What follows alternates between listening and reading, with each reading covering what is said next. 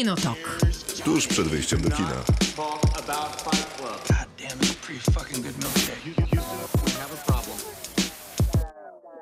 Krzysztof Majewski. Miłosława Bożek. Maciej Stasierski. W takim składzie będziemy rozmawiać przez dwie godziny o filmach i serialach. Filmy mamy trzy, seriale mamy jeden, mamy listę wstydu i mamy cykl w robocie. Tym razem prawie po kolei i prawie bez pomyłki. Dokładnie odwrotnie chyba.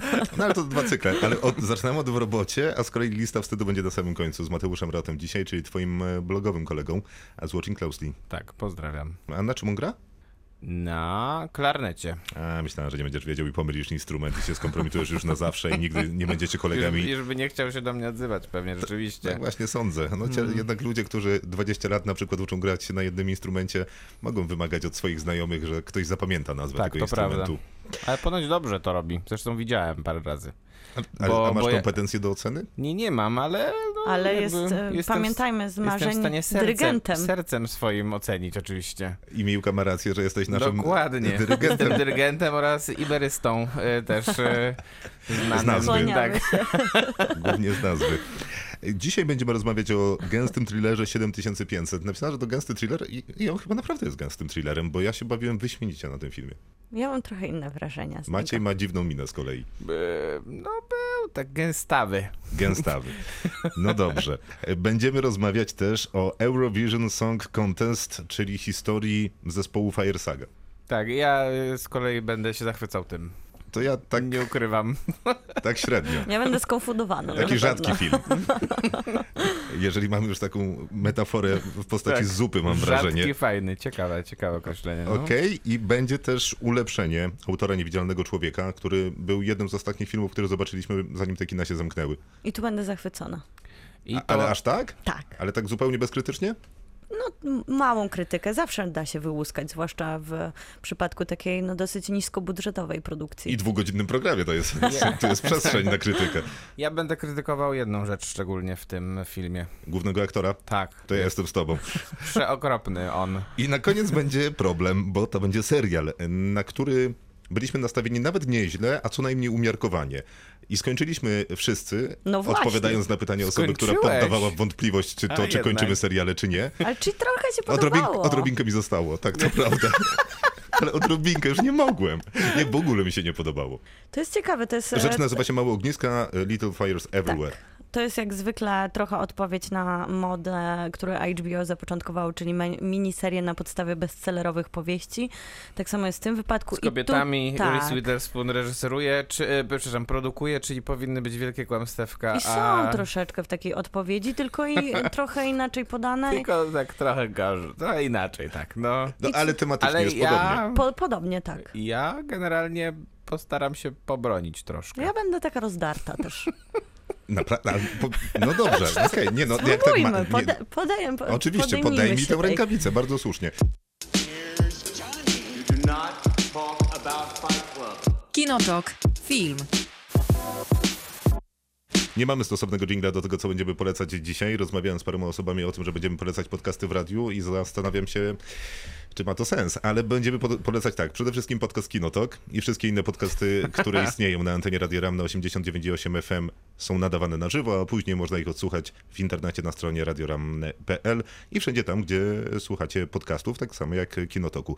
Miłka, ty będziesz zaczynać, a Tak. polecamy podcasty, no bo są w modzie i są świetnymi historiami często, które możemy poznać i usłyszeć przede wszystkim. Ja nie będę nam robić konkurencji, bo wszystkie Słusznie. podcasty, które będę polecać, będą angielskojęzyczne. To jest trochę problematyczna kwestia, ale myślę, że dobrze się zmierzyć z, taką, z takim angielskim i Można trochę się język. tak podszkolić język. Ja to będę nawet tak polecać jeszcze trochę inaczej przez e, trochę pryzmat różnych produkcyjnych firm, które robią podcasty. I zaczniemy od takiej stacji radiowej, która w Chicago jest stacją publiczną i wypuściła, jest taką trochę kuźnią talentów, wypuściła dużo dziennikarzy, którzy robią świetne podcasty. Z czego właśnie jedną dziennikarkę, Sarah Kuning, która zrobiła swój podcast serial. Serial jest podcastem, którego pierwszy i drugi sezon wyświetliło, pobrało tak naprawdę, pobrano 340 milionów razy, czyli on jest tak zwany, pobił rekord świata podcastów, Mhm. tak. I jest to e, podcast podcast, oczywiście jeden z tych tematów najpopularniejszych teraz, czyli true crime, dosłownie prawdziwa zbrodnia, ale świetnie poprowadzony, bo to właśnie radio było tym początkiem całej historii. I z tej samej, z tego samego miejsca pochodzi Alex Bloomberg, który założył Gimlet, z którego pewnie jest twój podcast, Krzysztof, czyli Habitat. Mm, A to nie jest mój podcast, to znaczy Okej, lubię ten podcast, no to ja ale nie będę go dzisiaj wspomnę. polecać. Słusznie, że wspominasz, bo to kawał świetnej roboty. Jest to sieć podcastów, która została kupiona przez Spotify i najczęściej robi takie podcasty narracyjne. To na przykład Homecoming, na podstawie podcastu powstał serial Apple'a i to są, takie se- to są takie podcasty, gdzie zaprasza się amerykańskie gwiazdy i po prostu jest trochę słuchowisko, ale mamy też Habitat, świetny pomysł o tym, żeby zamknąć ludzi na Marsie, tylko na Ziemi i sprawdzić, jak sobie z tym radzą. Na Hawajach Albo dokładnie, w tak. specjalnej marsjańskiej bazie. The Cle- Clearing albo Heavyweight, a później mamy Ringer, który został zbudowany przez dziennikarza sportowego Billa Simonsa i miał on najpierw stronę poświęconą sportowi i popkulturze, a później otworzył firmę produkującą podcasty i tam jest bardzo dużo kina.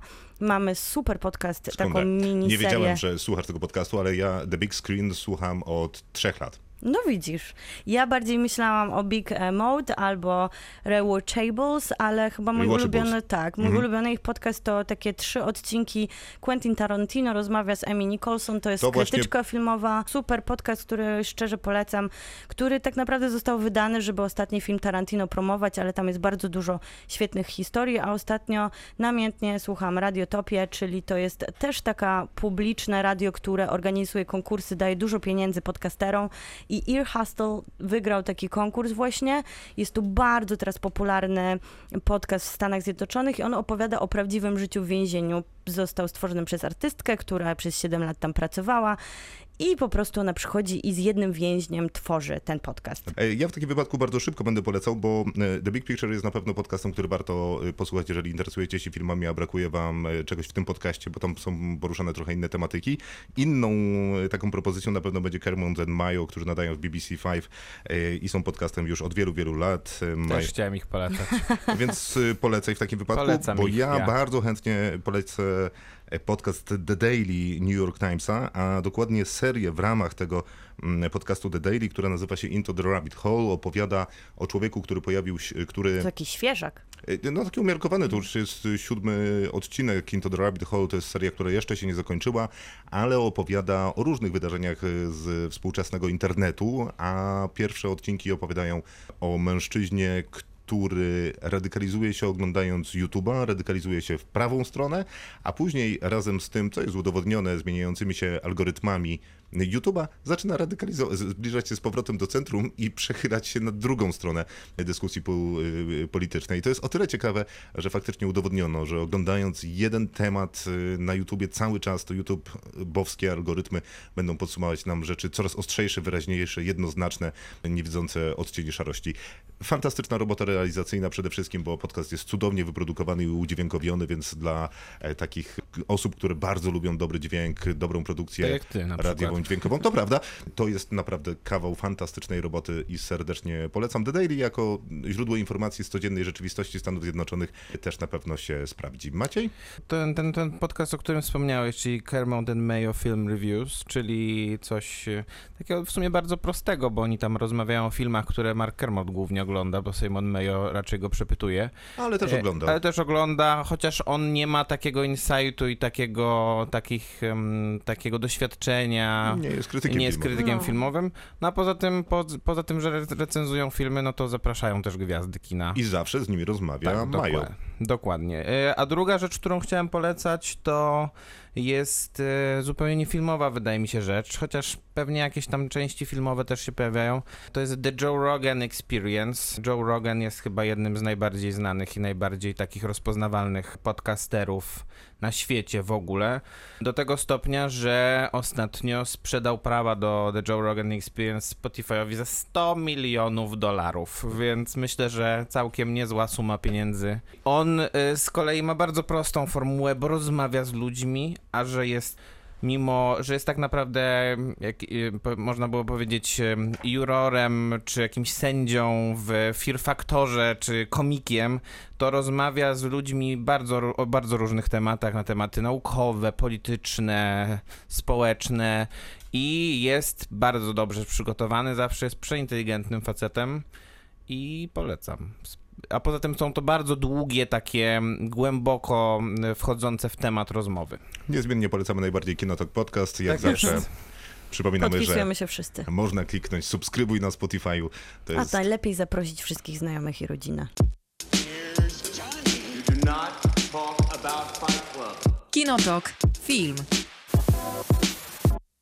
To będzie teraz o Eurowizji. To jest taka wzruszająca historia. Nie wiem, czy wiecie, że sam Will Farrell, czyli główny Eurovision bohater... Song Contest The Story of Fire Saga nazywa się film, który jest dostępny na Netflixie, o którym będziemy mówić, a ty pewnie opowiesz o tym, jak spotkał się z żoną. Tak, znaczy jak pojechał do swojej żony, do rodziny, do Szwecji w 99 roku, gdzie po raz pierwszy na telewizorze zobaczył Eurowizję i podobno się zakochał. Tak strasznie, że już w 2014 jeździł na każdą Eurowizję, śledził ją krok po kroku, żeby napisać właśnie 4 lata później, w 2018 z Andrew Steelem, który pisze dla SNL, czyli Saturday Night Live, e, dla, Czas na moje notatki. napisać razem scenariusz, więc e, to jest taka romantyczna historia i oni to markują tym, że to jest list miłosny do Eurowizji. Oni tak dobrze Eurowizję znają i tak dobrze ją czują, że wszystkie te cameo, czyli to, co ostatnio tłumaczyliśmy, to, że będą się pojawiać tam bohaterzy faktyczni Eurowizji, ci, którzy tam śpiewali, albo sceny, które faktycznie się odbiły na Eurowizji, o których ja na przykład zupełnie nie wiedziałam, jak to Jakie na koło, jak to koło koło, No na którym ty? człowiek się toczy jak chomik, No co ty? to jest faktycznie nie ur- koło, no tak, które... ale nie- ale nie ono urwało się. Nie urwało, ale nie, sam i nie pomysł, że, udusiło jej, tak, no, no. ale sam pomysł koła Prawie. na chomika wydawał mi się zamysłem absurdalnej komedii, Ale- a nie faktycznie show muzycznym. Tak, ale mówisz, że to jest list miłosny wysłany do Eurowizji, czy też oni tak, Tak, mówią o tak swoim mówią. filmie. Ale ja mam taki problem z tym filmem i właśnie z tego typu komentarzem czy zapowiedzią, że Eurowizja jest tyle egzotycznym, dziwacznym, kiczowatym tworem, że w zasadzie trudno zrobić z niej komedię, bo ona jest trochę komedią samą w sobie. No troszkę I tak. trudno się nabijać z czegoś, co już jest śmieszne, jakby inaczej niż po prostu to cytując. I dlatego wydaje mi się, że ten film trochę traci rozpędu przez to. No a nie, nie wydaje ci się prze, przez to, że mamy pandemię Mimo, że i, ma koło jak i chomik. faktycznie w tym roku nie, nie wydarzyła się Eurowizja. No ja wiem, ale no nikt to- tego nie zauważył i nikogo to nie obchodzi. Nie, to, No. to akurat prawda. To wydaje mi się, że to miałoby być takim pomysłem zastąpienia trochę luki dla miłośników tego absurdu, kiczu, tego glamuru Tak. w wydaniu właśnie egzotycznym No, i super. lokalnym. Więc to ma sens jako takie widowisko, które przypomina mi, przypomina nam o tym widowisku. Ma sens tylko i wyłącznie w wyobrażeniu Willa Farrella, który ze Stanów Zjednoczonych nie wychował się tutaj i nie czuje żenady za każdym razem, kiedy musi oglądać Eurowizję, nie daj Boże, Ale myślisz, że kandydata tak ze swojego kraju. Bo właśnie ja mam wrażenie, że tak, że, że tak jest w... Teraz użyję niepopularnego określenia w naszej bańce. Że jest bardzo dużo ludzi, którzy oglądają Eurowizję z czystej takiej naturalnej fascynacji, e, wielką radością, przyjmując te wszystkie piosenki, które niczym się od siebie nie różnią. Poza tym właśnie, że w jednym jest koło chomika, a w drugim jest, nie wiem, płonący Dokładnie. fortepian, a w trzecim, nie wiem. I Płonąca wszędzie, scena. I wszędzie muszą być nadzy mężczyźni prawie, bo, bo bardzo dużo, bardzo dużo jest też takich, takich fragmentów, gdzie... Co się tam patrzysz, myślisz, że to jestem zadowolony z tego? A nie, no, nie, Wspaniale. może. Więc e, ja, ja jestem zdania, że Will Ferrell naprawdę co dobrze poczuł. Jak na Amerykanina, to dobrze poczuł ten temat. e, Jest- Bo... Ale ja się zga- nie, nie, bo to źle nie zrozumieliście. Ja uważam, że on, on nawet nieźle poczuł e, ten dziwaczny, kiczowaty Tak, e, nastrój tak. Eurowizji. No on przecież zrobił On go kiedyś ten przypisał. film o ludziach e, jeżdżących na łyżwach, który był tak samo kiczowaty. Tak, dokładnie. I to jest Tak. bardzo podobne samym chyba towarzystwo. i- reżyserem nawet. i, i bardzo podobne środowisko, ale wydaje mi się, że żaden, żaden Europejczyk nie zrobiłby czegoś takiego jak film o Eurowizji. No i to jest właśnie to że pytanie, naprawdę trzeba kogoś, kto przyjedzie z zewnątrz i powie, takie rzeczy tu w Europie macie? które samo, sa- na które samo odpowiadasz, że w ogóle ja też sobie je zadawałam, jak to jest możliwe, że Amerykanie robią film o takiej naszej rzeczy, ale dzięki temu chyba zachowują pewien e, Ale jest inny właśnie, właśnie o to chodzi, tej bo sytuacji. ten film najgorszy jest jak em, Will Ferrell chce em, sprzedawać się jako komik, niestety. I e, takich fragmentów w tym filmie jest trochę, które są generalnie niepotrzebne, bo jakby to było takie szczere wyznanie e, miłosne dla, do Eurowizji, tak jak robi główny bohater w jednej z ostatnich scen filmu zresztą, na samej scenie w tym Glasgow, to ten film byłby, myślę, e, zupełnie przyzwoity, bo ja go przyjmuję, e, ja go, ja go, ja go uwielbiam, ale z, tylko z tego powodu, że jest tak żenująco kiczowaty i piękny w tym, w tym sensie. Rozumiem, że można w ogóle bronić takiej tezy, że ten film miał taki być, dlatego nam się Tak, podoba. dokładnie. Mam wrażenie, że jak zawsze zapomnieliśmy powiedzieć w dwóch słowach dla tych, którzy tego filmu jeszcze nie widzieli, że opowiada o parze, która podejrzewa zresztą, że jest rodzeństwem, chociaż z drugiej strony też cały Nie czas chce być. zaprzeczają i bardzo nie chce być, Ale to jest która pochodzi z Islandii. Islandii. Co jest bardzo dobrym żartem, biorąc pod uwagę, że mają tam nawet specjalną konekcje i rodzina. bo mają nawet specjalną aplikację do tego, żeby sprawdzać, czy się z kimś nie jest jakimiś więzami rodzinnymi e, A, to połączonym. ciekawe, nie wiedziałem. To mnie to też mnie zaskoczyło, no ale to wiesz, ciężko rętkować, No to- jak no nie jesteś pewny dobra. z kim. Masz O, prawda. zagrożenie. Szczególnie, że wszyscy się nazywają w taki sposób, jak oni się nazywają, czyli Niewymawialny. jest córką, nazwisko jest zbudowane z tego, że jest się na przykład em, synem Gunnara, czyli No Gunnarsonem, No to tak? jak Patromikon w, Tak, w Rosji tak. z kolei. Dokładnie. E, Są e, parą wokalistów, z czego Will Farrell śpiewa fatalnie, a Rachel McAdams, o czym być może warto powiedzieć, że też gra w tym filmie, śpiewa fantastycznie. Ale, Ale to ona nie nie ona śpiewa, śpiewa. niestety. To śpiewa Molly opowiadam, dziękuję, ale opowiadam pokrótce fabułę filmu. Cieszę się, że sprawdziliście na IMDb, kto to śpiewa. Też sprawdziłem. W każdym razie ta para jest bardzo nieudana, robi fatalną muzykę, mimo że ona ma piękny głos. Nikt ich w tej małej społeczności islandzkiej nie lubi, ale dziwnym zbiegiem okoliczności udaje im się dostać, dokładnie zbiegiem okoliczności, do walki o reprezentowanie Islandii w Eurowizji. I tak się nieszczęśliwie składa. Jest to komedia okoliczności. z dosyć grubymi nićmi szyta. Wszyscy inni konkurenci z Islandii wybuchają. W zamachu W tym- jakiegoś tak, rodzaju, który jest dokładnie. niewytłumaczony. Dzięki czemu jadą faktycznie do Szwajcarii.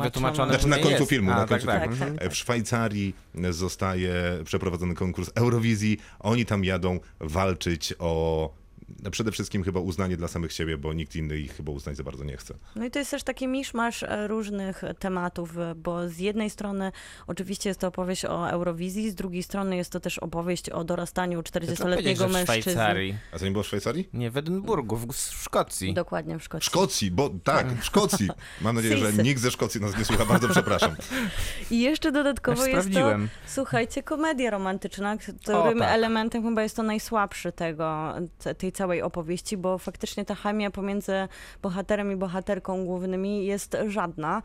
I to wydaje mi się, że też Will Farrell po prostu najgorzej wypada w Nie, tym bo to jest wina zestawieniu. jego On głównie. powinien napisać tylko ten film, ale już e, Tak. nie pozwolić mu nikt, bo nie powinien bo mu ona pozwolić jest- w nim grać. Richard- Nagrać, nagrać reklamówkę na Tak, media tak, społecznościowe i na tym skończyć. I ucieszyć się z tego, że taki super e, Konkurentem miłosny. ich na tej Eurowizji będzie człowiek, który nazywa Dan się Steven. Aleksander Lemtow i jest skrzyżowaniem księcia z Disneya z nie wiem kim. Dokładnie, no Dan jest Stevens, bestii. czyli jest Bestią. bestią z e, pięknej i bestii. I e, kimś jeszcze. Hrabią z Downton Abbey. I, I- jeszcze z Legionu Szalonym e, tutaj przecież bohaterem. A tutaj jest jedynym, Marvela. jedynym w Rosji gejem. Znaczy na Nie pewno, na pewno nie jest, jak sam mówi. Ale A tak, przepraszam. Lion, Właśnie. Lion of Love. tylko, poczekaj, ja tylko dopowiem, że to nie jest fikcyjna postać.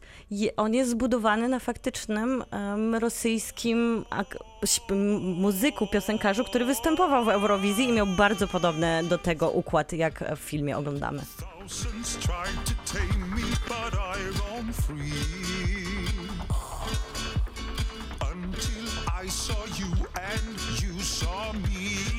Eurovision Song Contest, historia zespołu Fire Saga.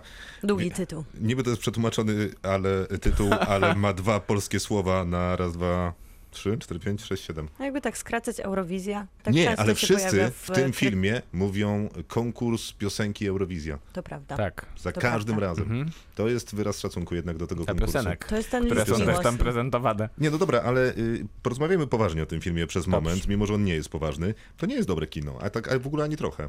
Myślę, że tutaj duży zarzut do tego Willa Farrella, o którym już mówiliśmy, który Tak. faktycznie bardzo narzuca swoją obecność i chęć, tak jak już Maciek wspominał, sprzedania nam jakiegoś żartu, Mm. który robi bardzo niesprawnie. Ja myślę, że młodzież i pewnie ja też w pewnych sytuacjach, czyli na przykład tej, e, powiedziałbym, że Will Ferrell stał się takim trochę śmieszkiem niezręcznym i że on śmieszkuje w tym filmie i to zupełnie nie wychodzi, bo kiedyś miał w tym taki nienachalny wdzięk, a teraz jest, y, to nie działa. To Nie ja działa, mam no. właśnie problem z przypomnieniem sobie kiedy, bo on... No właśnie w tych wspomnianych ostrzach chwały. A, no chyba, że tak, ale to ile było? Z 15 lat temu? Dawno temu bardzo. Nie aż tak? Nie, nie wiem, strzelam tak szczerze, ale ja, nigdy, ja uważałem zawsze Willa Ferrella za jednak chyba jednego z najbardziej przereklamowanych amerykańskich aktorów komediowych, bo on też nic ciekawego po prostu komediowo nie robił, no poza tym filmem, który wspomniałeś jeszcze raz. 13 lat temu E, przesadziłeś. 13, a no dobrze, czyli, ale byłem blisko.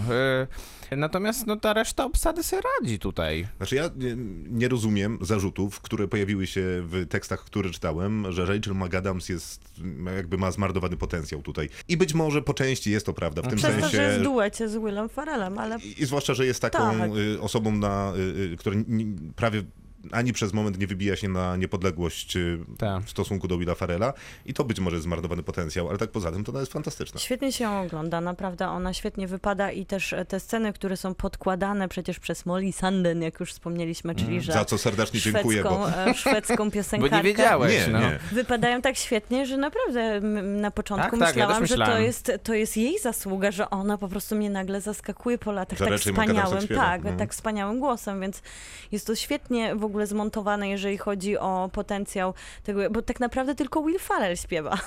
Tak, on dokładnie, bo, jedynym Dan, jest Dan Stevens też nie śpiewa. Tak, też nie Też śpiewa. być może jest pewnym błędem. To zdecydowanie jest Ale błąd. no jakby, okej, Will Ferrell to jest jedna rzecz, ale mi się wydaje, że oglądanie tego filmu nawet na takim poziomie scenariusza to jest dokładnie to samo, co 13 lat temu oferował Ostrza Chwały. Z Troszkę tymi samymi em, e, akcentami, z tymi samymi zwrotami akcji. No przecież było oczywiste od samego początku, kiedy oni tylko śpiewają po raz pierwszy w Islandii jeszcze, Oczywiście. że będą mieli kryzys, że ona się obrazi, że on wróci do tej Islandii albo, albo w, drugi, w innej konfiguracji, Wszystko że to ona wróci. sznurku, tak. I że oczywiście on tam y, pojedzie z powrotem i że raczej się źle nie skończy. No ale ta opowieść chyba jest pisana tylko po to, żeby miłośnicy faktycznie, albo ci, którzy nie znają jeszcze Eurowizji i dowiedzą się o tym, że można zobaczyć człowieka w kole chomika, to, e, to jakby to jest ta, ten główny kor całego filmu, żeby pokazać jak W sensie rdzeń. tak, w sumie fantastyczna, ale abstrakcyjna, jak żenująca, ale podniecająca zarazem jest to wielkie widowisko. Ja rozumiem, co I mówisz, tutaj wspaniale ale jest zatrudniony przecież... utożsamiam się tylko z pierwszymi słowami. Mnie na przykład No ten to film właśnie, bo to, to nie jest film dla ciebie. Zupełnie nie dla ciebie prawdopodobnie, dlatego że e, nie jesteś w stanie e, w, w tym zakresie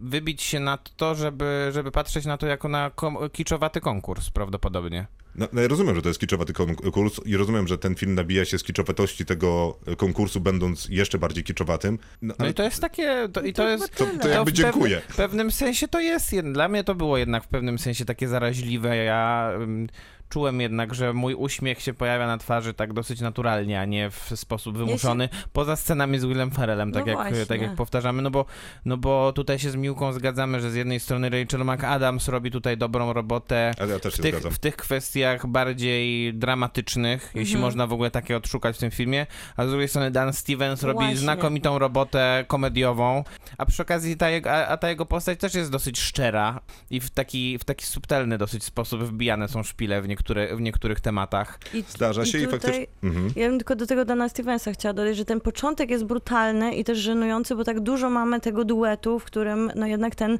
Will Farrell e, przeciąża tą, tą sytuację, a kiedy jedziemy już na tą Eurowizję i pojawia się ten Dan Stevens, który jest po prostu no naprawdę fantastyczny. Za każdym razem, jak on po prostu tylko na chwilę się pojawia, pojawia się uśmiech, a później myślę, że to jest też taka taka miła sytuacja, w której faktycznie można szukać strasznie dużo tych odniesień, tych, e, tych cameo po amerykańsku, tego, co oni też tak lubią dawać w filmach, że dla ludzi, którzy lubią Eurowizję, to oni się tu będą uśmiechać, a dla ludzi, którzy nie rozpoznałem lubią y, Conchitę Eurowizji, Wurst, rozpoznałem No Aleksandra właśnie. Rybaka czy Netę. No Bo właśnie. przeczytałem w internecie, że tam byli. A przy okazji, właśnie jak, je, jeżeli nie Ja znasz... przyznam się, że rozpoznałem bez sprawdzania.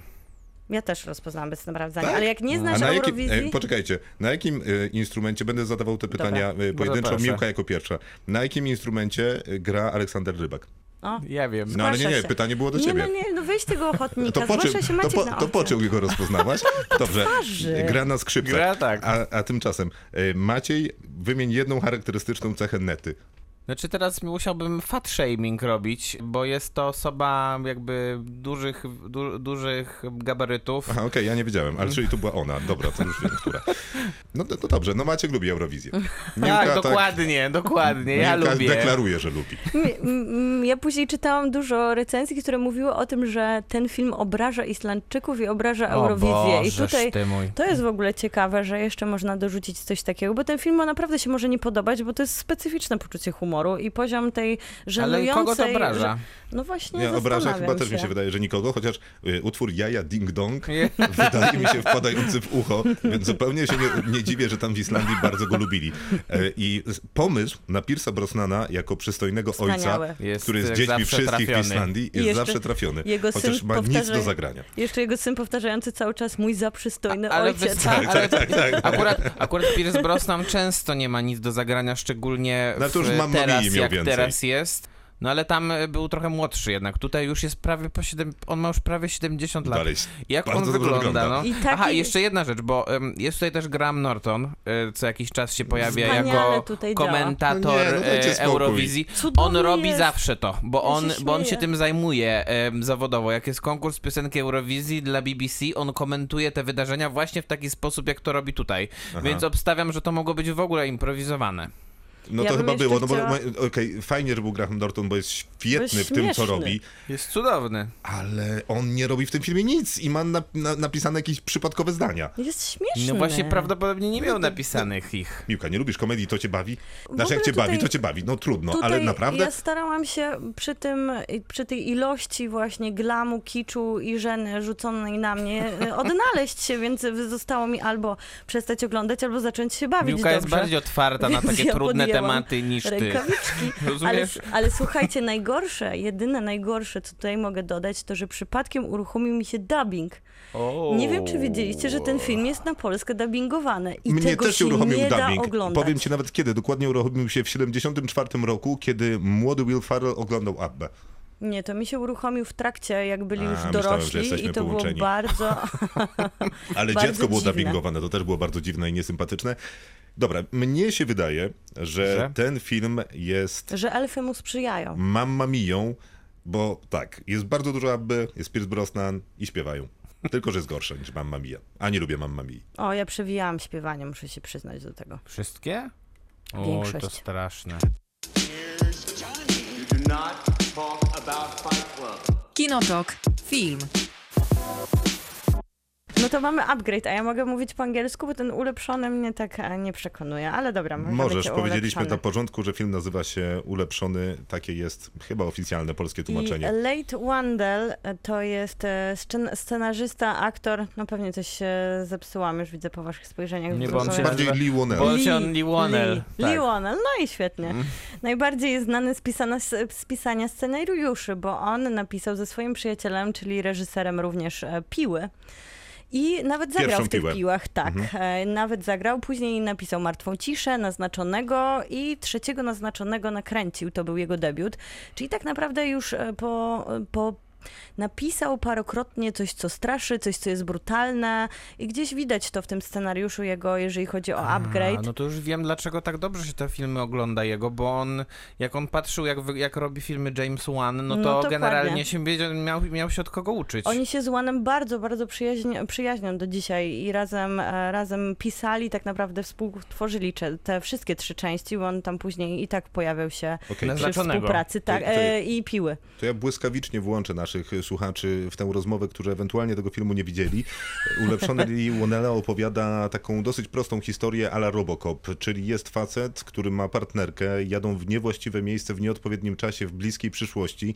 Tam zostają napadnięci wyciągnięci z autonomicznego samochodu, a następnie ten mężczyzna zostaje no, wielokrotnie postrzelony. Raz. Raz ale raz, a dobrze. Raz a dobrze w kręgosłup, to prawda. A jego żona ginie. Na szczęście tak się składa, że w wyniku pewnych zbiegów okoliczności ludzkich y, poznał kiedyś człowieka, który jest moim zdaniem postacią graną przez Oscara Izaka w Ex Machinie.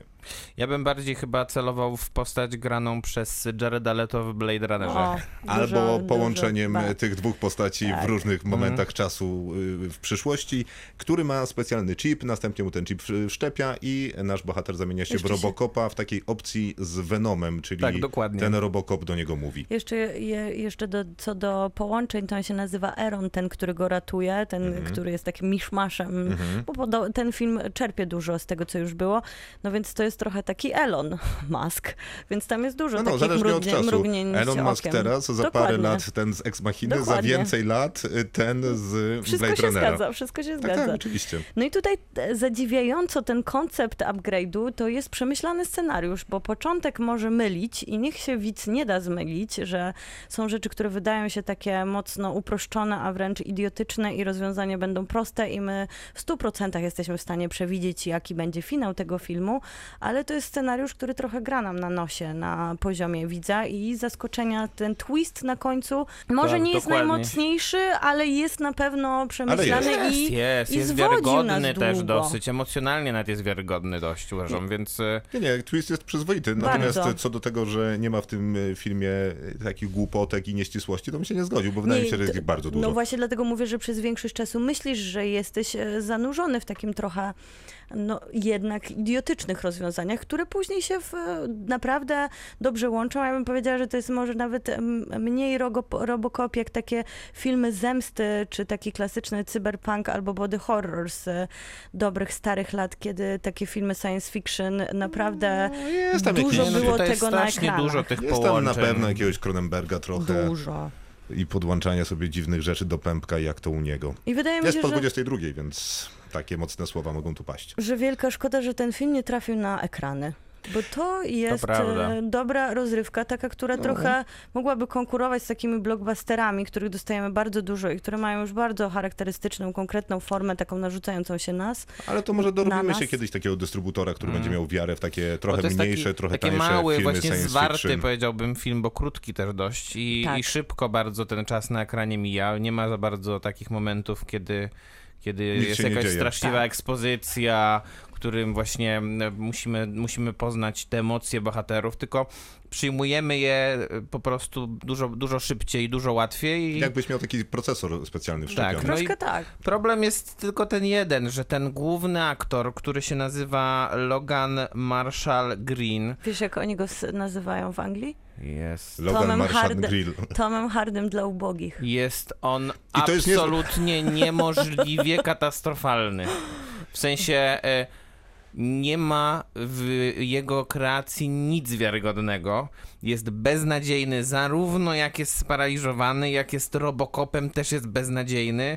E, Być może e, ma dobre te sceny, w których e, musi się bić, chociaż mam wrażenie, że pewnie ktoś go zastępował w tych scenach, bo one są za dobre jak na niego. Więc naprawdę. Y, ten Limonel ma problem, bo już rozmawialiśmy o mm, niewidzialnym człowieku, w którym też męskie postaci były bardzo źle zdubbingowane, y, bo przez castingowane i tutaj ta główna, a to jest, to jest problem, tylko że tam to były drugoplanowe postaci, a tutaj masz pierwszoplanową z postać. którą spędzasz Którą- 99% tak, czasu dokładnie. ekranowego. który cały czas Dokładnie. Ale ja nie mam z nim takiego dużego problemu. To Chociaż, ciekawe, e, bo, bo, bo, bo ja bym się- był w klubie Maćka, y, nieznośny jest to aktor. Zgadzam W sensie się ja z tym wiem, że on się często bije i można ubogich, pominąć. bo jest w nim bardzo dużo Toma Hardiego. Ja za to miałam też tam Jamie'ego Z Dormanda. twarzy. Z no. twarzy w sensie. tak. I, I to, że on tak udaje innych aktorów, trochę mi pasowało do tego, że, co udaje ten film, bo moim zdaniem ten film udaje taki film klasy B, niskobudżetówkę, która tak naprawdę ma dużo większe ambicje i pokazuje, że za 5 milionów dolarów można zrobić całkiem mocną propozycję, obejść ten niski budżet, zrobić dobre sceny akcji, które rozbijają na przykład pewne co, ja nie wiem, niedociągnięcia czy to jest finansowe. y, kino klasy B. To naprawdę To właśnie nie jest, tylko No, udaje, że A jest no na nawet początku. mi się nie wydaje jakoś specjalnie, żeby udawało, no bo przecież to się znowu tak bardzo od tego Venoma nie różni, poza tym, że no brakuje Venom to był na, na każdą scenę 10 milionów, żeby coś ten To y, potwór I tam robił grał na Tom tym Hardy nie dla ubogich, No, tylko on czyli kosztował 10 razy więcej. To też jest problem. Ja słuchałem paru wywiadów z Lionelem i on opowiadał bardzo ciekawą rzecz na temat tego właśnie, jak on aranżuje sceny walki. I być może to jest odpowiedź na twoje pytanie, Maciek, y, co do tego, dlaczego mm, główny aktor Logan Marshall Green, który jest Tom Hardym dla ubogich, tak ci, się nie, tak ci się podobał w tych scenach walki, bo oni robią taki numer, że dają aktorowi telefon komórkowy i wpinają go gdzieś tam pod kostium i on ma jakąś najpe... Nie zrozumiałem wszystkiego, to są techniczno-operatorskie sprawy, jak słucha nas jakiś operator, niech da znać. W każdym razie ten telefon wysyła źródło, y, jakiś tam sygnał do kamery, dzięki czemu kamera cały czas trzyma fokus na tego aktora, który pozostaje zawsze w samym środku kadru. Więc to można zobaczyć, to jest dosyć ciekawe, jak on upada, to dół kadru chowa się w podłogę.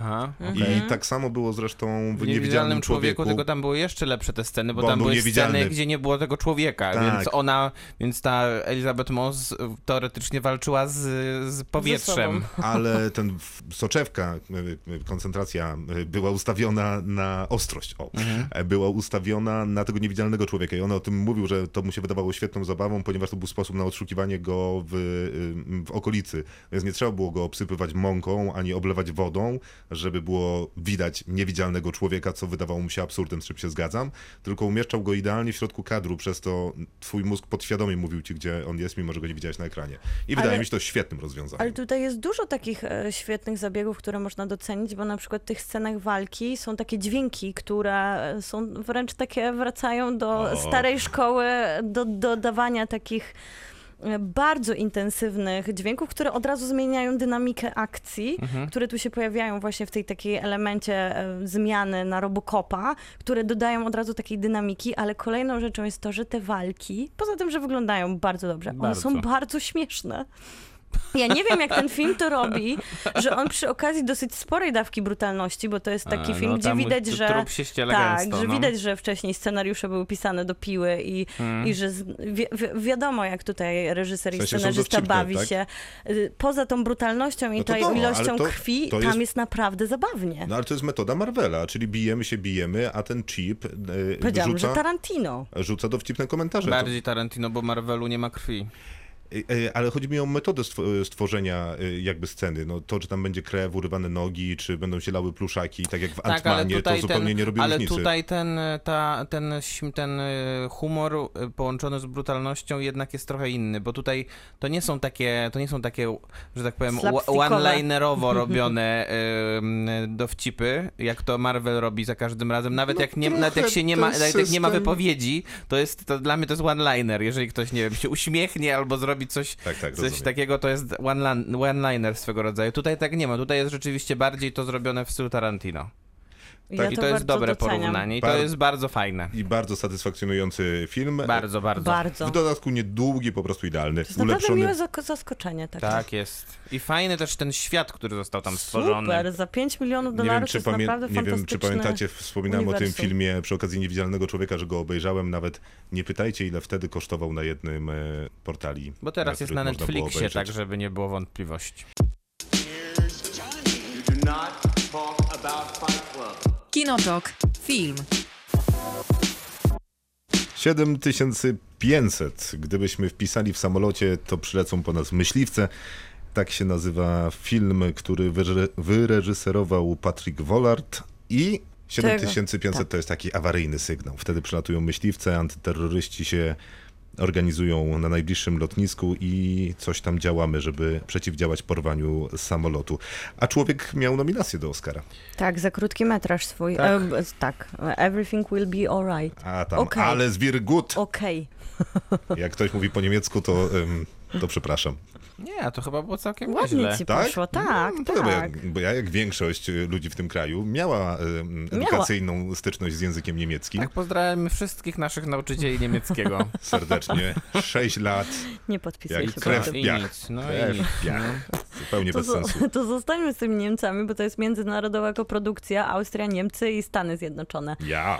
Kracony w Kolonii i w Wiedniu w Boże, 2017 Przestań, roku. przestań to robić. Tak właśnie to 7500 powstawało i miało w swoją premierę zadziwiając jak na taki mały film w Locarno w 2019 roku. Co jest y, festiwalem filmowym, nie tak tylko się miastem. zgadza. W Szwajcarii Dokładnie. tym razem. Dzisiaj w ogóle jaka wspaniała lekcja z geografii. A, dokładnie. Powiedz coś po hiszpańsku, Maciej. Nie, dzisiaj nie. Mm. Bo państwo być może nie wiedzą, ale Maciej jest Lingwistą. Iber, lingwistą, iberystą. tak, ale przede wszystkim iberystą. To fabuła jest prosta bardzo. Jest. Mamy em, amerykańskiego pilota, którego gra Gordon Lewitt, który wraca Nawet po... Gordon Levitt. A nawet Lewitt. Joseph A nawet Gordon-Levitt. Tak jest, dokładnie. Gordon Bo Levitt. mogli, mogli ludzie pomyśleć, że Gordon to jest imię. A to Mogli, no. Komisarz, to- Komisarz jest Gordon. tylko komisarz Gordon, nikt więcej, więc no. A to dwuczłonowe nazwisko i on wraca do nas po długiej przerwie, bo w 2016 oglądaliśmy go na ekranach w Snowdenie w tylko roli chciałem głównej. powiedzieć, że komisarz Gordon to też nie jest jego imię, bo on się nazywa Jim Gordon, więc tak, żeby, żeby nie było. Okej, sprób- spró- Czyli to jest niczyje imię w tym zestawieniu. Spróbujmy jeszcze raz. Joseph Gordon-Levitt Tak. jest aktorem, który gra w filmie 7500. I nie grał reżyser- od trzech lat. Nie grał Tak. od trzech lat, to wiemy na pewno. Reżyseruje niemiecki reżyser Patrick Wollard. Nie Patrick Wolrat. No. Wo- Wolrat. Tak, Patrick Wollrad, e, nominowany do Oscara za krótkometrażowy film Powiedz po niemiecku. Alles wir- wir gut, Tak. chyba. A, a nasz aktor z dwuczłonowym nazwiskiem gra tutaj Tobiasa Eliasa, który jest amerykańskim pilotem i będzie prowadził lot z Berlina do Paryża. W sumie to jest cały plot, bo o tych najważniej Ja fabuła. nie wiem, kto to w ogóle taki lot robi. Przecież to się leci, nie wiem, z półtorej godziny albo godzinę? A wiesz, że są takie loty z Dużo Wrocławia jest do Warszawy? No wiem, i to się leży, leci 45 minut. Latałem parę razy, to jest bez sensu w ogóle, bo dłużej trwa odprawa niż lot. Okej, a jeżeli mieszkam... O, nie, dobrze, okej. Ale jeżeli mieszkam w Berlinie i A chcę się chcę dostać polecieć do, Paryża, to, co? To trzeba pojechać samochodem. No trochę ten film tak sugeruje, bo To byłoby lepsze rozwiązanie w kontekście tego, co się wydarzyło. Dla wszystkich zainteresowanych na pewno, ale tak się składa, że aktor o dwuczłonowym nazwisku jest zawodowym pilotem w tym filmie. tak. Tak, jest, to prawda. To gdzie każą mu lecieć, tam rozumiesz, Tam leci. taka Rozumiem, praca. no Znaczy on jest w zasadzie jakimś drugim pilotem. Jest drugim, bo pierwszy... Chociaż też pilotem. Nie, on jest Nie jest pilotem, pierwszym, a a on jest kapitan drugim. jest, kapitan obok niego jest, a on jest O, pilotem. właśnie to. Tak jest Czy dokładnie. jest pierwszym pilotem, a kapitan jest kapitanem? Kapitanem jest, przynajmniej w tym filmie tak e, rozumiem, bo ja się nie znam na podziałach w kokpicie, ale też myślę, że nie, zaspoiluj- e, nie zrobimy jest żadnego spoilera, gdzie, po, gdzie powiemy, że na samym początku filmu, to już się dowiadujemy tak naprawdę w pierwszych sekundach filmu, zbliżają się terroryści, to jest już nam No, ukazane przecież ja już to na... powiedziałem dwa razy. Aha, no to dobrze, bo ja się zastanawiałam, czy to nie będzie jakiś spoiler, Ej. ale to się dzieje tak szybko tam, Słuchajcie, więc... ja mam tu takie czerwone cyferki, które pokazują od jakiego czasu mm, mówimy. To są cztery minuty ustaliliśmy bardzo mało faktów odnośnie tego filmu. No więc jest faktycznie pilot, napadają kokpit, terroryści. terroryści. W kokpicie y, zostaje ranny kapitan tego ym, statku Samolotu. powietrznego. O, brawo, piękne określenie. Trzeba być precyzyjnym. Mhm. Zostaje ranny Joseph Gordon-Levitt. Zostaje ogłuszony jeden z terrorystów. Kolejnych trzech jest, Jest za drzwiami. za drzwiami i się dobija do drzwi. Joseph Gordon-Levitt nie zamierza otwierać. No bo chyba nie może, bo taki jest chyba protokół, Tak. że nie może tych drzwi Nie otworzyć, co by się nie działo, a najgorsze dla niego jest to, że widzi, co się dzieje w takim telewizorku, który jest w tym kokpicie. Kokpicie. I przez to i widzi, że naprawdę zaczynają się dziać dramatyczne rzeczy, bo ci ludzie chcą bardzo wejść do tego kokpitu, żeby przejąć kontrolę nad tym samolotem. On im nie otwiera tych drzwi, więc zaczynają, e, no nie ukrywajmy tego, zabijać pasażerów. Okej, i wystarczy, bo będziemy spoilerować. I teraz y, jest pytanie y, o pewne, jest pewien dylemat moralny, bo zastanawiam się, czy w takich sytuacjach nie można pilotowi odłączyć możliwości otwarcia tych drzwi. I czy to nie rozwiązałoby też pewnych problemów. Zdalnie, w sensie wyłączyć pilotowi taką możliwość podjęcia takiej decyzji. Ale to Aha. jakby zaprzeczasz całemu powstaniu tego filmu, że Nie, no film filmu, nie ma- tak, ale teraz mówię o procedurach, bo ten film A, jest, ja się- jeżeli chodzi o wnętrze tego kokpitu, e, wydaje się bardzo autentyczny, Tak, bo tak, oni tak, mówią tak. o najróżniejszych procedurach odprawy, tam jest nawet taka scena, że przychodzi e, facet, e, który chyba zajmuje się załadunkiem Mhm. samolotu i z wszystkimi technicznymi sprawami i dyskutuje z nimi te sprawy, mówią tam o jakichś formula formularzach, mówią Mhm. skrótami, dużo jest tego żargonu, takiego jak mniemam, lotniczego. Nie, no to wypadało realistycznie Tak bardzo. samo jak- bardzo. Gordon Więc zastanawiam się, skoro film porusza tę kwestię, czy nie ma takiej możliwości. I po raz trzeci, jeżeli tym razem to? słucha... Nie, nie, bo w sensie nie, sprawdziłem, ale nie uzyskałem odpowiedzi. Okej. Więc podejrzewam, że trzeba było zapytać pilota, a nawet mam takiego znajomego, więc do niego nie napi- napisałem, ale podejrzewam, że gdzieś leci i nie odpisał. Co mu się no to zdarza nie, dosyć nie często. odpowiemy ci chyba też z Maćkiem Nie, nie na to pytanie. Nie, nie, no ale... ale to, to było pytanie, rozumiecie, u gruntu taka kwestia moralna była tu przede wszystkim poruszona, no bo się wiadomo, uważa, że że... powinna być możliwość zamknięcia tych drzwi? być może byłoby to rozsądne, mimo że ok- okrutne, no przez kontrolę lotów. Aha. Z zewnątrz. Znaczy, ja myślę, że to ma sens o tyle, że też ten kontroler lotu miałby możliwość otwarcia tych drzwi, Tak, tak. co e, na przykład w kontekście tego wypadku, który miał miejsce bodajże w Alpach, gdzie e, pilot zamknął się w kokpicie i wleciał Mhm. W górę. w górę i, z, i zginął i wszyscy, wszyscy pasażerowie zginęli, bo miał jakieś problemy psychiczne, z tego co pamiętam. Też by mogło uratować Tak, sytuację. dokładnie, więc to pewnie jest jakby w dwie strony. Bardzo ciekawe rozwiązanie jest takie, że ten film udaje, że dzieje się jakby w czasie rzeczywistym. No tak, brawo. Tak. Dziękuję. E, rzeczywiście, zresztą em, to jest wydaje mi się największa jego zaleta, ten taki realizm e, samej rea, realizm realizacyjny. Tak, E, dokładnie to jest ważne.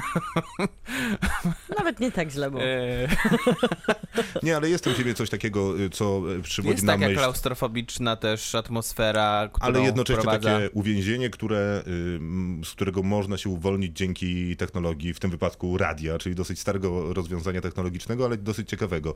I to jest y, metoda, która nie nasuwa się w sposób oczywisty to skojarzenie, ale jakby się zastanowić, to w zasadzie jest dokładnie to samo, co robi film ze wspominanym już dzisiaj Tomem Hardym wielokrotnie, czyli vlog, e, kiedy on jedzie samochodem i to jest nasze jedyne miejsce akcji, rozmawia przez telefon, e, on jest chyba, zajmuje się betonem zawodowo, jedzie do żony, która rodzi, a po drodze załatwia mnóstwo różnych skomplikowanych sp- spraw i napędza Jedzie nam do się taki kochanki, która rodzi. do kochanki. Przepraszam, do kochanki, która rodzi.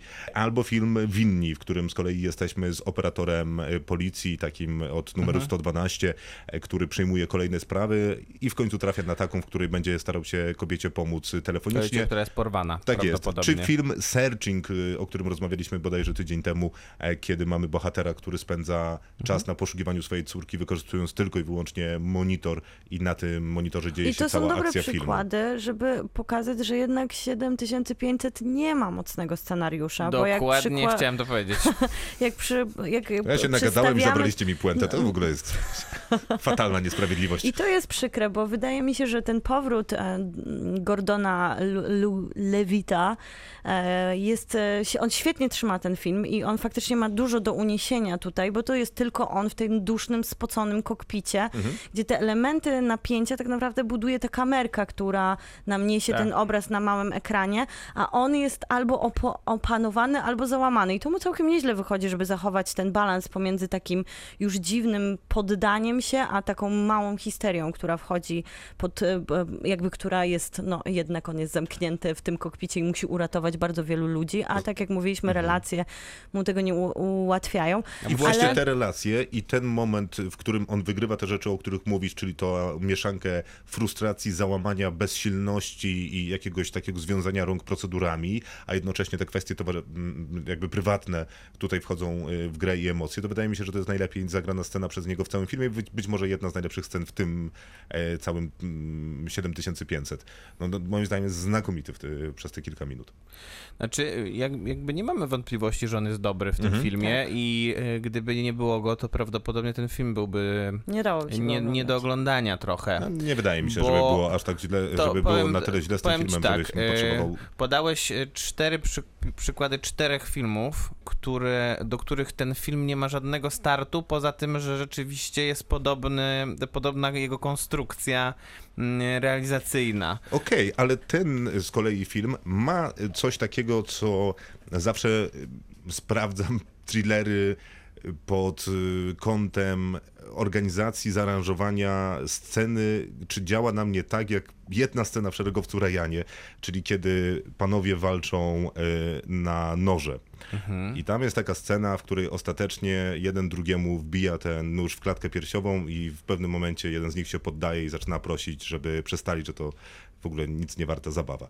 I to jest świetnie przygotowana scena. I jeżeli takie pojawiają się w kolejnych filmach, które mają wywoływać napięcie u widza, to zgaduję, że reżyser wie, co robi. W tym filmie e, takie emocje się we mnie pojawiają, więc wydaje mi się, że to jest nie najgorszy papierek lakmusowy, żeby wsadzić go w 7500, wyciągnąć i powiedzieć, że jest zasadny. Ale to Znaczy, przez to, ci że tak, to jest aha. taka brutalna opowieść, tak brutalnie prosta, to na początku to napięcie jeszcze jest z nami, właśnie przez te zastosowanie trochę tych ciekawych narzędzi, bardzo fajną rolę aktorską, ale ono strasznie spada w drugiej części. Nie, nie, właśnie Chociaż dokładnie ten to film chciałem ma powiedzieć, bo półtorej godziny i to nie jest wtedy, długi kiedy To sam- zmienia akcenty w drugiej wtedy, części. kiedy samolot jest y, w powietrzu, ten film jest zdecydowanie lepszy. Mhm. W sensie jest w nim więcej dynamiki, te emocje rzeczywiście są prawdziwe. A potem, jak y, Gordon Levitt teraz uży, to będzie spoiler, udaje mu się wylądować tym samolotem i trwa wciąż jednak akcja polegająca na negocjacjach z terrorystami. A nawet e, jakimś takim dziwnym flircie z syndromem Sztonho- To, to, sztokholmskim, to już nie jest takie dobre. W ogóle nie przekonuje.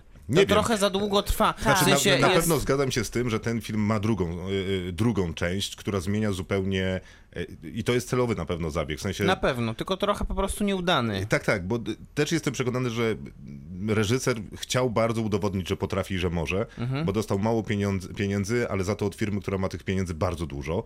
E, I być może to jest trochę jego takim Tak. testem sprawności. Jeżeli pokaże, że potrafi, to damy mu 10 razy tyle, bo co, bo na stadion jest niezły. I chciał pokazać dużo i w tej części pierwszej moim zdaniem niewątpliwie pokazał dużo, tak, Tak. jak mówiłeś. Ta druga może nie jest tak bardzo udana, ale dla mnie jest wystarczająco satysfakcjonująca. Jest, y, y, jest w niej więcej złych rzeczy zdecydowanie. a, y, No już takim, już, faktem- już takim mhm. wybiciem gwoździa do trumny było, była scena, która według mnie ośmiesza trochę te, tą, te, te przekaz jakby, czyli do terrorysty dzwoni mama. Ta scena pewnie w pewnym sensie ma być... A to nie on dzwoni do niej? Nie, Nie, ona do niego dzwoni. Ta, I ta scena ma być prawdopodobnie jakimś takim emocjonalnym katarzis, czy, całości, podbiciem, tak. a jest, a wygląda jak scena z, z parodii z Leslie Nielsenem. No i właśnie Okej, dlatego... to mnie to, mnie to specjalnie nie dlatego- przekonuje. W sensie ja się nie śmieję na tej scenie. Rozumiem, że ty Miłka też, dlatego bo- pozwolę sobie odpowiedzieć, bo ta dramaturgia tej końcówki, Mhm. która być może jest w, ty, jest w tym też ten telefon do mamy, o tyle w porządku, że masz ileś postaci i, tych y, granych tych terrorystów na pokładzie i każdy z nich najpewniej ma jakąś inną historię i z jakichś powodów znalazł się w tym, a nie innym miejscu i robi to, co robi. I że te zachowania będą różne, to dodaje pewnej autentyczności całemu wydarzeniu. Tylko, że ten film przez to, że na początku nam oferuje taką prostotę, wręcz taką łopatologiczną opowieści, ale gdzieś niesie nas ten klaustrofowiczny kop, kokpit i to, że faktycznie ten napisany pilot jest pilotem, bo jak on przyciska te wszystkie przyciski, to to działa i wydaje się nam to bardzo autentyczne. I to do tego momentu tam tak naprawdę nie ma dopisanych żadnych ludzkich historii i może dlatego mi się podoba ten film No do ma pierwszej dopisanych połówki. ludzkich To historii? są bardzo No proste, to jest bar- zarysowanie tylko tych relacji, tam nie ma jakiejś opowieści, które A by to- były to klasycznie. No to to, właśnie. akurat. I to jest bardzo w porządku, że one są w taki prosty sposób podane, nie w sposób No. a, amerykański, że od razu to jest jakiś patos, że tutaj No nie, no rozumiem, to. no. A później, kiedy właśnie na samym końcu pojawia się ten element dodawania jakiejś historii, nagle z i jednak na siłę i ten emocjonalny twist, który ma się pojawić tam między bohaterami, jest po prostu nie na miejscu No dla ale mnie. po pierwsze, ten emocjonalny twist się nie pojawia, a po drugie, co byś chciała, żeby wszyscy wybuchli? To zawsze byłoby zaskoczenie. Pewnie jakieś by było. No tak, no to bo jakby. No ale jakby ma- brakuje, mając... wam, brakuje wam zaskoczeń w tym filmie, no bo jeszcze w tej pierwszej części dla mnie było pewnym zaskoczeniem jednak to, co wydarza się poza drzwiami kokpitu. Znaczy wiesz, no mając, ma, porównując e, na przykład to, w jaki sposób dobrze zostało wygrane jednak zaskakujące zakończenie w Upgrade, to tutaj to Tak, zakończenie dokładnie. jest to zakończenie jest rozczarowujące Tak. jednak. Chciałbym za- zaznaczyć, że ten film kończy się dokładnie tak samo jak Kapitan Phillips. Ja nie pamiętam kapitana. Tom Hanks tam gra, A, prawda? no dobrze, tylko że i co? tak można skończyć film i nie ma w tym nic złego. Ale tam są, tam były aż takie długie te negocjacje? W, w Kapitanie Philipsie? Philipsie? Pewnie Ja mam, dłuższe. ja mam wrażenie, że to jest 40 minut filmu. No No, tak, takie tylko że to jest wspaniały film. y, Oddział Navy Seals po pokładzie lotniskowca idzie, czy, czy, czy Dokładnie niszczyciela mniej idzie więcej. 10 minut. To nie wiem, to może ja, to może ja jakoś łatwiej to odczuwałem. Tamten film był wspaniały, ten taki nie jest. Znaczy nie jest to... Nie no, nie jest tak. Wiadomo, Kapitan Phillips jest lepszym filmem e, i ten film też nie jest doskonały, ale wydaje mi się, że może jest odrobinkę lepszy niż chcecie mu na to I pozwolić. aż mnie dziwi, że nie, przy, nie odnosimy się tutaj do udźwiękowienia, które jest twoim ulubionym elementem w filmie, O, bo jak, argument. jak e, leci nasz samolot, tutaj jesteśmy z bohaterem w tym kokpicie, to on leci bardzo cichutko, wtedy Mhm. mi się zawsze przypomina pierwszy człowiek, który pokazywał, że można lecieć głośno i że jak są turbulencje, to to jest brutalne, Ale to był i- inny, Wiadomo, inny pojazd. Ale tutaj jednak jest bardzo cichutko i te turbulencje są jednak dosyć daleko. Ja się czuję komfortowo z nimi, a turbulencje są jednym z bardziej przerażających mnie elementów, jakie mogłyby mnie spotkać na pokładzie samolotu. Oczywiście gorsi są terroryści, ale, ale Turbulencje Ta, terrorystów. jak jest taki wybór, to rzeczywiście terroryści są troszkę gorsi. Ale tak? nie przekonuje mnie tutaj ten dźwięk e, z subtelnej burzy i subtelnych e, takich wstrząsów, jak miałeś Krzysztof No ze ale nie, no ale z dźwiękiem. drugiej strony na przykład scena, w której, w której, ciekawe, samo, że film nie ma muzyki w której samolot o. ląduje e, w deszczu, jest znakomita i jest bardzo dobrze zrobiona Mhm. i bardzo realistycznie to wygląda. Zresztą to tak jak, to tak jak zaczęliśmy, no w kwestii realizmu to temu filmowi nie można odebrać za dużo i dzięki temu, że Gordon Levitt w nim gra, no to pewnie, to pewnie jakoś się przyjemniej na niego wciąż patrzy, mimo tych zastrzeżeń, które my mamy większe niż ty. Krzysztofie. Niech to będzie konsensus. Kinotok. Serial. Zdarzają się takie momenty, mm, kiedy się rozmawia o filmach i serialach, że ja w zasadzie o tym serialu, o którym będziemy rozmawiać, który nazywa się Małe Ogniska, w zasadzie nie mam nic do powiedzenia. Masz, bo już rozmawialiśmy o nim, też kokietujesz troszeczkę. No to Dokładnie. prawda, ale to w sensie nic, co by było jakoś specjalnie Mi się wartościowe. wydaje, że mam bardzo dużo do powiedzenia na ten temat.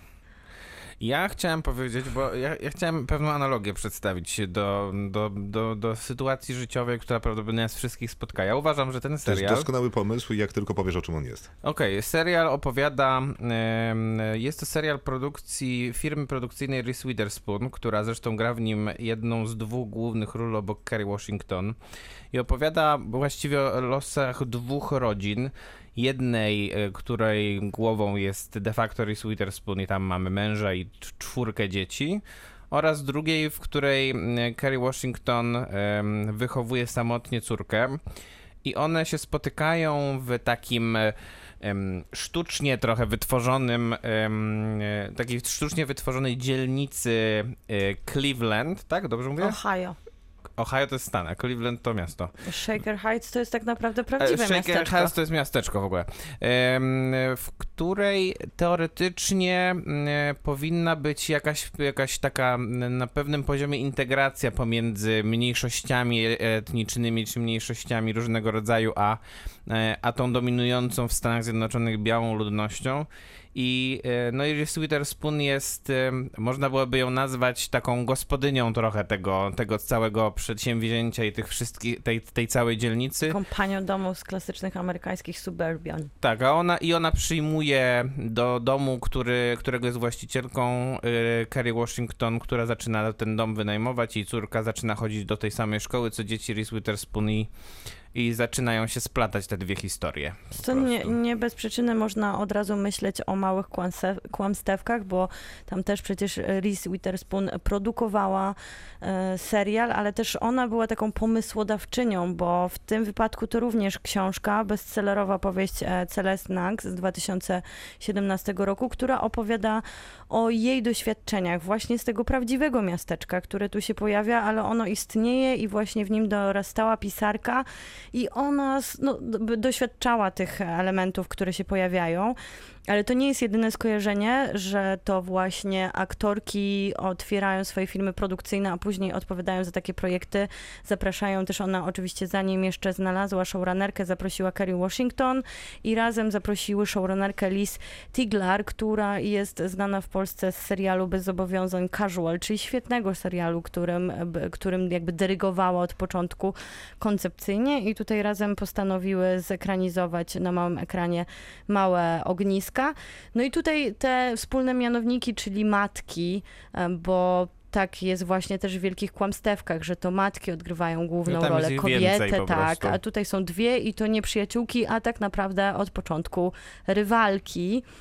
Mhm. Gdzie no, tu są te, te główne różnice i wspólne mianowniki, bo ta rywalizacja między nimi na początku wydaje się subtelna właśnie przez różnice rasowe, które tu są mocno podkreślane i w ogóle Tak, ten serial mi się kojarzy mocno z niektórymi produ- produkcjami, które na American Film Festival można oglądać, których w Polsce nie można było zobaczyć na dużym ekranie, takich, które bardzo mocno wytłuszczają rzeczy, podkreślają je, trzy razy powtarzają, żeby nikt na pewno nie przeoczył, że tutaj jest jakiś konflikt, że tu No są tak. nierówności, Mhm. że tu są podziały.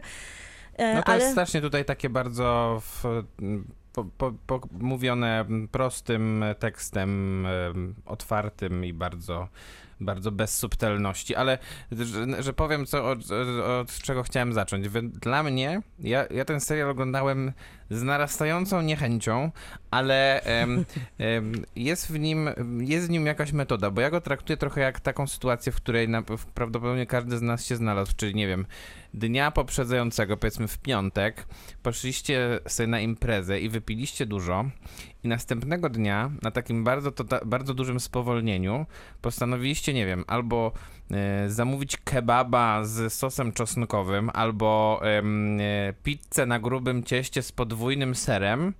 I mimo, że wiecie, że to nie jest dla was dobre, e, jedzenie tego w całości, to zjedliście mimo wszystko i ja właśnie tak traktowałem ten serial. To jest dla ja mnie... tylko zaznaczę, że Maciek przygotował sobie tę przemowę tydzień Dokładnie. temu i jest bardzo dumny z tej metafory. bardzo jest teraz Maciek, uśmiechnięty. piękna robota. Naprawdę, jest, Dziękuję. To, to jest doskonała rzecz. Ja się z chciałem tym nawet zgodzę. na- A nawią- zgodź się z Maćkiem, się Nie, z absolutnie nim. się z nim nie zgadzam. Bo to, bo to jest trochę tak, jak jakbym jeszcze nie wrócił następnego dnia do domu. Ach, rozumiem. Tak Tylko- się czułeś. Tylko jeszcze wtedy, jak tam, tam jestem na tej piątkowej zabawie Już jesteś taki na zmęczeniu i zaczynasz to oglądać, i tak? ta, zaczynam jeść tego kebaba. A zaczynasz już jeść tego kebaba? Tak, i on jest zimny i, i w ogóle wszystko jest niedobry. niedobrze. Właśnie. I ten jogurt w sosie I pusty czosnkowym. potem, nie? Już Bardzo jest wszystko z nim niedobrze. dużo tej sałaty E, zamiast kapusty, mięsa. kapusty w o, zasadzie. kapusty, przepraszam. A, a, a mięsa to ja wiesz, nie bardzo. A, no tak, racja. To Tak. falafel jakiś taki, ale okropny. No, to, ale najgorszy.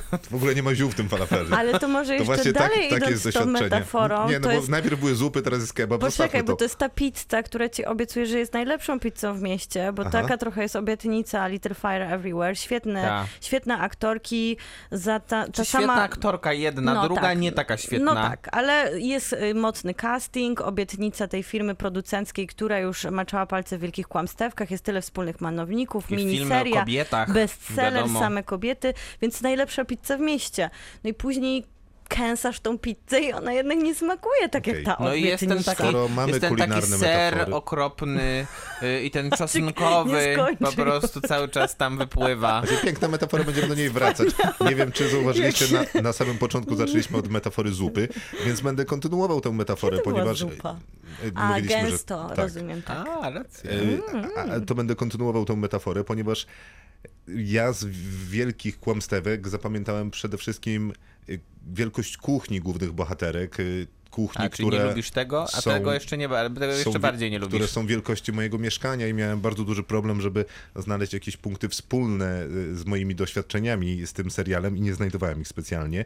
Y, Więc nie, nie przepadałem za tamtym serialem, ale, ale ten wydaje mi się, że jest obrazem inteligencji widza. Zarówno I, wtedy... I zupełnie się z tym zgadzam, Ja też się dlatego zgadzam. że to jest serial, który y, generalnie jakby miał krótsze odcinki, to można byłoby go puszczać w tak zwanym daytime w Ameryce Spokojnie. i, i właśnie pokazywać te, te fragmenty, które też są przed każdym odcinkiem, czyli co się wydarzyło w poprzednim. To, e, to też jest raczej taka rzecz, której już się Taki nie robi w takiej premium polity- te, telewizji, wydaje mi się. No to w ogóle nawet nie wygląda jak premium telewizja, bo naprawdę to, No to, jest, to jest trochę To żart, prawda. a trochę prawda, że jak jest premium telewizja, to ktoś ten film pokoloruje. W sensie albo założy jakiś filtr, albo Mhm. go później wrzuci do odpowiedniego programu, ułoży mu tam jakieś balansy kolorów. Mhm. Z reguły reżyser sobie wymyśli, że to będzie bardziej niebieskie, bo będzie mówić o bólu i przeszłości bohaterów czy bohaterek, y, albo będzie bardziej różowy, żeby mówić o radościach młodzieńczych lat, ale tak naprawdę będzie tam dramat i potworne rzeczy się działy. A ten film jest nakręcony mniej więcej tak jak tym smartfonem, co tu u mnie na biurku leży. Ale Taki to, na to szaro bardzo. Taki na jest szaro, na, ale to jest nakręcony, no być może nawet tam światła postawili jakieś, żeby doświecić że Reese Witherspoon. Możliwe, że też nie. No możliwe, że nie, bo Ale- akurat to słoneczny stan. Ale nie tylko to, bo jak patrzymy na jakościową telewizję, zwłaszcza z perspektywy miniserialu, którym od lat się zajmuje HBO, to tam zawsze zgadza się casting i on jest świetnie prowadzony. Te seriale właśnie dlatego są syte, że w jednym odcinku w 60 minutach dostajemy Syte. taki No to popis, tak jak, popis ale nie- wręcz ale bardziej teatralnego syte, nie tak jak ta pizza nie, okropna. nie jak ta, I nie jak ta zupa. A więc e, tutaj... nie, tutaj, tutaj po prostu Tutaj nie ma o czym mówić. Właśnie, tutaj to jest największy ból, bo jeszcze mogę zrozumieć, że Hulu sobie wymyśliło, że robi taki serial telewizyjny i nadaje do tego taką estetyzację telewizyjnego serialu, plus właśnie takie myki. Powtarzamy w odcinku, co się dzieje, ale jeżeli się zaprasza do współpracy, już po, i tak naprawdę to one zapraszają do współpracy akte, aktorki Reese Witherspoon, takie nazwiska, to jednak spodziewałoby się od tego jakiejś lepszej gry aktorskiej, bo scenariusz sam w sobie, on bazuje Mhm. Jest na książce, też. ale wydaje mi się, że też e, ma, jest dużo do zarzucenia, a najciekawsze jest to, że dla nas to tu nie działa, a to działa wspaniale dla Amerykanów. Według Niemożliwe. Hulu w pierwszych 60 dni, dniach, kiedy Little Fires Everywhere było wyświetlane, to był najczęściej oglądany dramat w serwisie w historii. Wszędzie w Stanach są Hulu, najprzychylniejsze... które też pokazywało na przykład Mrs. America, Tak, żeby, tak, żeby, sam- żeby nie było że- wątpliwości. że to Który nie jest, jest- arcydziełem. Jest tak. I Słuchajcie, wróćmy do tej opowieści, rozmowy, dobra? opowieści podręcznej. I nie wiem, czy zauważyliście, ale to są lata 90. w serialu. Zauważyliśmy Reese Witherspoon w każdym zdaniu to podkreśla, że jest to epoka, gdzie Bill Clinton rządzi. Dokładnie Tak, tak. ale tak poza tym, że To Reese jest- Witherspoon o tym mówi, to ciężko się zorientować, a przy Ciężko. okazji To prawda. zupełnie nie mam zielonego pojęcia, po co to są lata 90. Też nie wiem, ale Zupełnie chyba... nie wiadomo dlaczego. Lepiej by było, jakby to była na przykład czasy prezydentury Baracka Obamy, to przynajmniej te kwestie, które, mm, e, te kwestie związane z rasizmem, e, które tutaj są, e, teraz użyję, nie wiem czy do końca brzydkiego słowa, wyżygane niemalże na, na, na, na, na, na widza, e, byłyby chociażby troszkę bardziej wiarygodne, bo z tego co ja pamiętam, a trochę e, e, się interesuję amerykańską polityką, to akurat za prezydentury Clintona takich rzeczy było dużo mniej paradoksalnie niż za prezydentury Obamy. Może tak właśnie było. Myślę, że te lata 90. wynikają chyba z, książki. bestselleru, który myślę, że miał na tyle czytelników, że chcieliby, Tak. by odwoływała, odwoływał żeby się serial serial, był tak, wierny. wierny swojemu oryginałowi. Tak, Ale tak, nie jest to tak. widoczne, bo jak rozmawialiśmy w zeszłym tygodniu o serialu, który naprawdę pokazywał lata 90. w brutalny, szary sposób, ale tak jak mówiłeś o tym głębi lasu? kolorowaniu. Nie, e, to wiem na pewno. E, To wiem na pewno i to też miniserial też na podstawie A to, był, to było za czasów starego George'a Busha, więc to Tak, inne jeszcze to czasy. Jeszcze inne lata 90., ale wciąż lata 90., a tutaj muzyka... Tutaj już mają Walkmany. Tam mają Walkmany, ale tam sentymentu jednego. nie ma, a tu też A, tak, sentymentu przepraszam. nie ma. No to dla, dla, dlatego, słuchajcie, muzyka przynajmniej jest miła, ale mm, ja bym wróciła do castingu No i właśnie to- powiedziała to, o, o, Kerry Washington. Bo jest Kerry Washington, bo z jednej strony jest Reese Witherspoon, która gra dokładnie tę samą postać, którą gra w Wielkich Dokładnie. Kłamstewkach, tylko, tylko jeszcze gorzej. E, znaczy, i, tylko gorzej, bo ja na przykład jestem zwolennikiem Wielkich Kłamstewek Ja e, pierwszego sezonu, drugiego nie oglądałem, bo stwierdziłem, że jak jest dopisana historia do historii, która była napisana w książce, to to bez sensu prawdopodobnie będzie i słyszałem, że nie jest najlepiej. Em, natomiast e, to, co tutaj się dzieje e, z castingiem związanym z Kerry Washington i z tym, w jaki sposób ona jest prowadzona, bo e, to jest największy problem, że cztery z ośmiu odcinków reżyseruje bardzo dobra reżyserka Lynn Jedna z Shelton. moich ulubionych Mhm. reżyserek, ja przecież nieodmiennie wspominam siostrę twojej siostry, Tak, wspaniały, Wspaniały film. film. Mark Dupla i I Emily Blunt. i Emily Dokładnie. Blunt. I grająca, też, i grająca zresztą tutaj, e, i grająca zresztą tutaj em, jedną z drugoplanowych ról Rosemary Dokładnie, DeWitt. Prawda. dokładnie, Mm, dokładnie. e, I Co widać to był za śmieszny film w ogóle? Jakby ktoś Tak. trafił na niego kiedyś gdzieś, Śmieszny to... chyba nie, ale wspaniały. Jak? To siostry? śmieszny, Przecież jest wzruszający, Wzruszający. wspaniały. W pierwszej scenie, jak Czuły. Mark Duplan chce zaimponować e, Emily Blunt i że był pobiegać i oblewa się wodą z wiadra.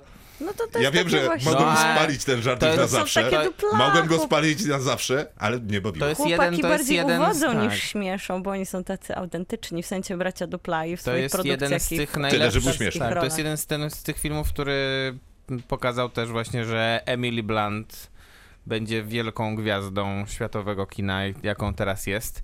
No a tutaj jest ta Kerry Washington. Tak, jest. E, I nie da się I, jej I pytanie przeoczyć. jest takie, czy ktoś ją prowadził, czy ona sobie grała tak, jak jej się podobało? Moim zdaniem grała tak, jak jej się, jak jej się podobało. To, je, to mi się to nie podobało. I słuchajcie, ale tutaj, Bardzo. tutaj Mnie jest też, problem. bo ma poczek- faktyczny... Faktyczną metodę, faktycz, fatalny pomysł na, ten, na tę rolę. No nie ma pomysłu za bardzo. Nie, no ma, krzywi ma się, pomysł krzywi taki, się. żeby po prostu płakać, nie wiem, krzywić się, y, Ale krzyczeć nie, no, ale sekundę. powoli. Ale to prawda, ale tak jest napisana ta postać. Tak, to Przecież oczywiście. ona w stosunku do całego otaczającego ją świata jest pasywno-agresywna. Więc w zasadzie aktorka dobrała Zbyt dosłownie. wachlarz emocji, jaki jest, jaki jest w scenariuszu, więc ma Jaki jej dał scenariusz, tak. złość, lekką złość, zniesmaczenie, oburzenie, trochę więcej złości.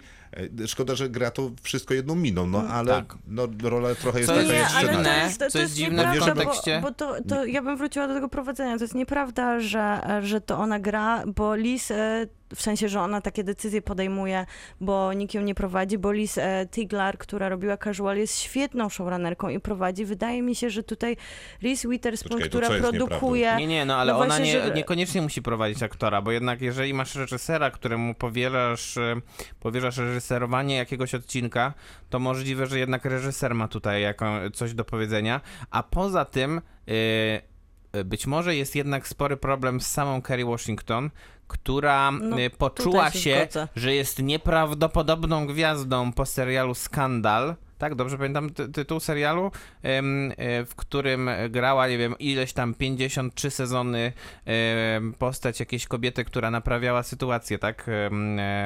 W, jakieś takie kryzysy polityczne próbowała gasić.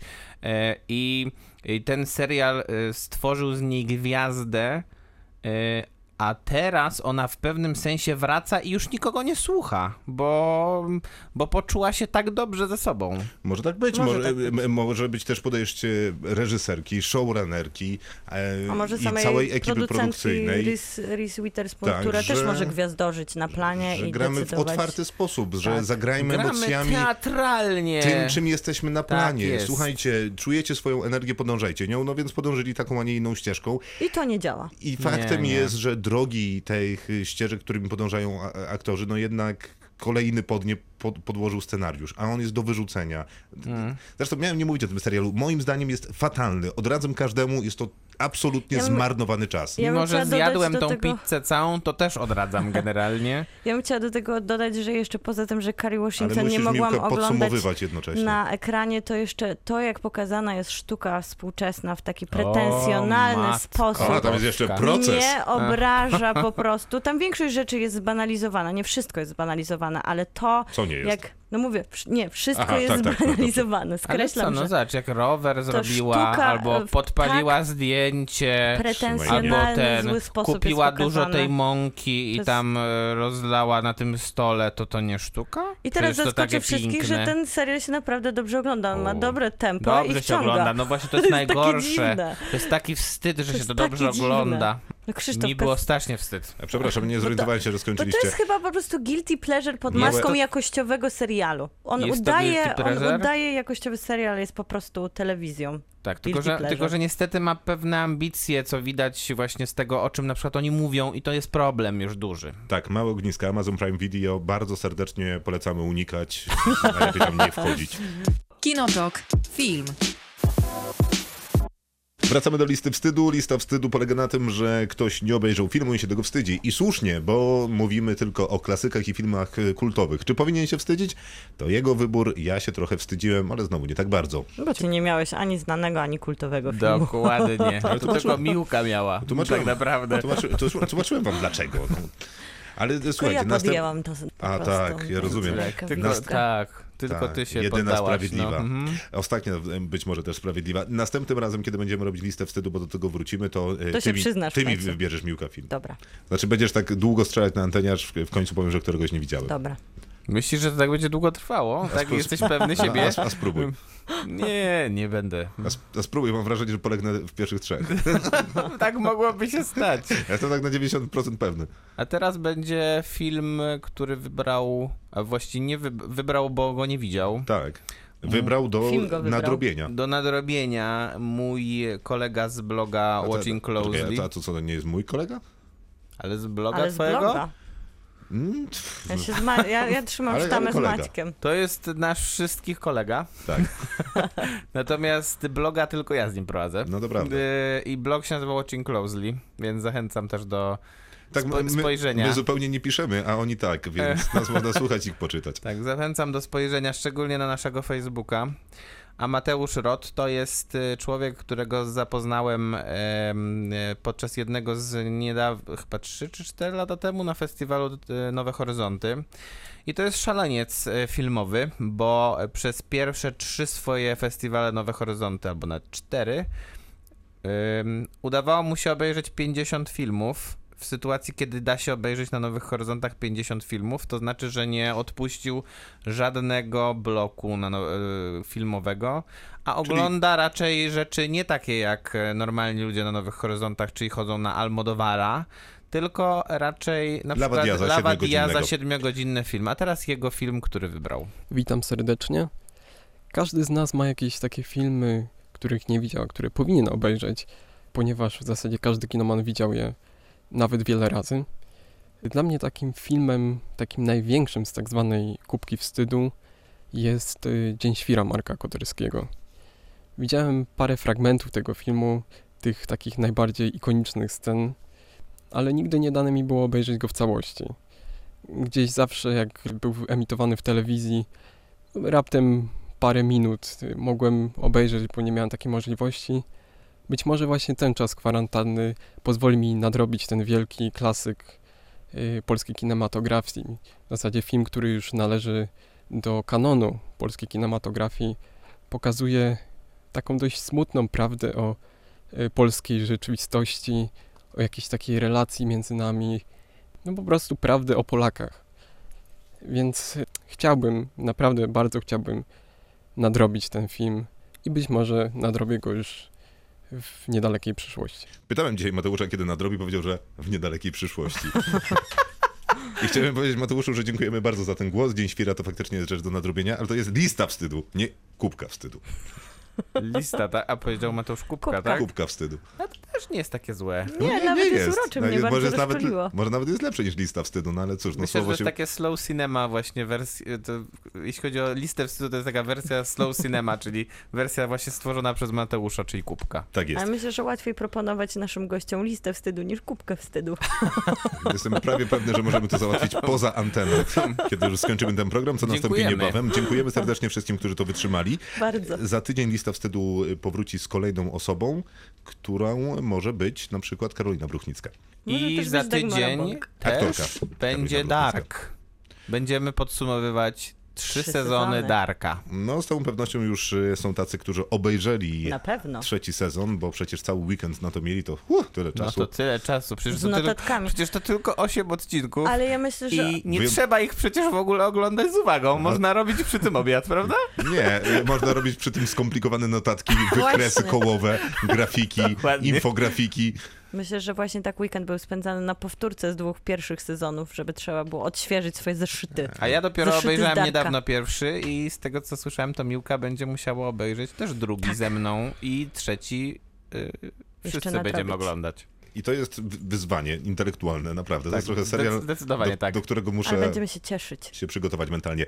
E, To Dziękujemy bardzo. To był, to był Kinotok, Krzysztof Majewski. Miłosława Bożek. Maciej Stasierski. Mamy Spotify'a, tam będzie jutro podcast, jak zawsze, jak zawsze.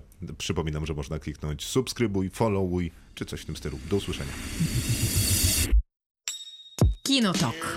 Tuż przed wyjściem do kina.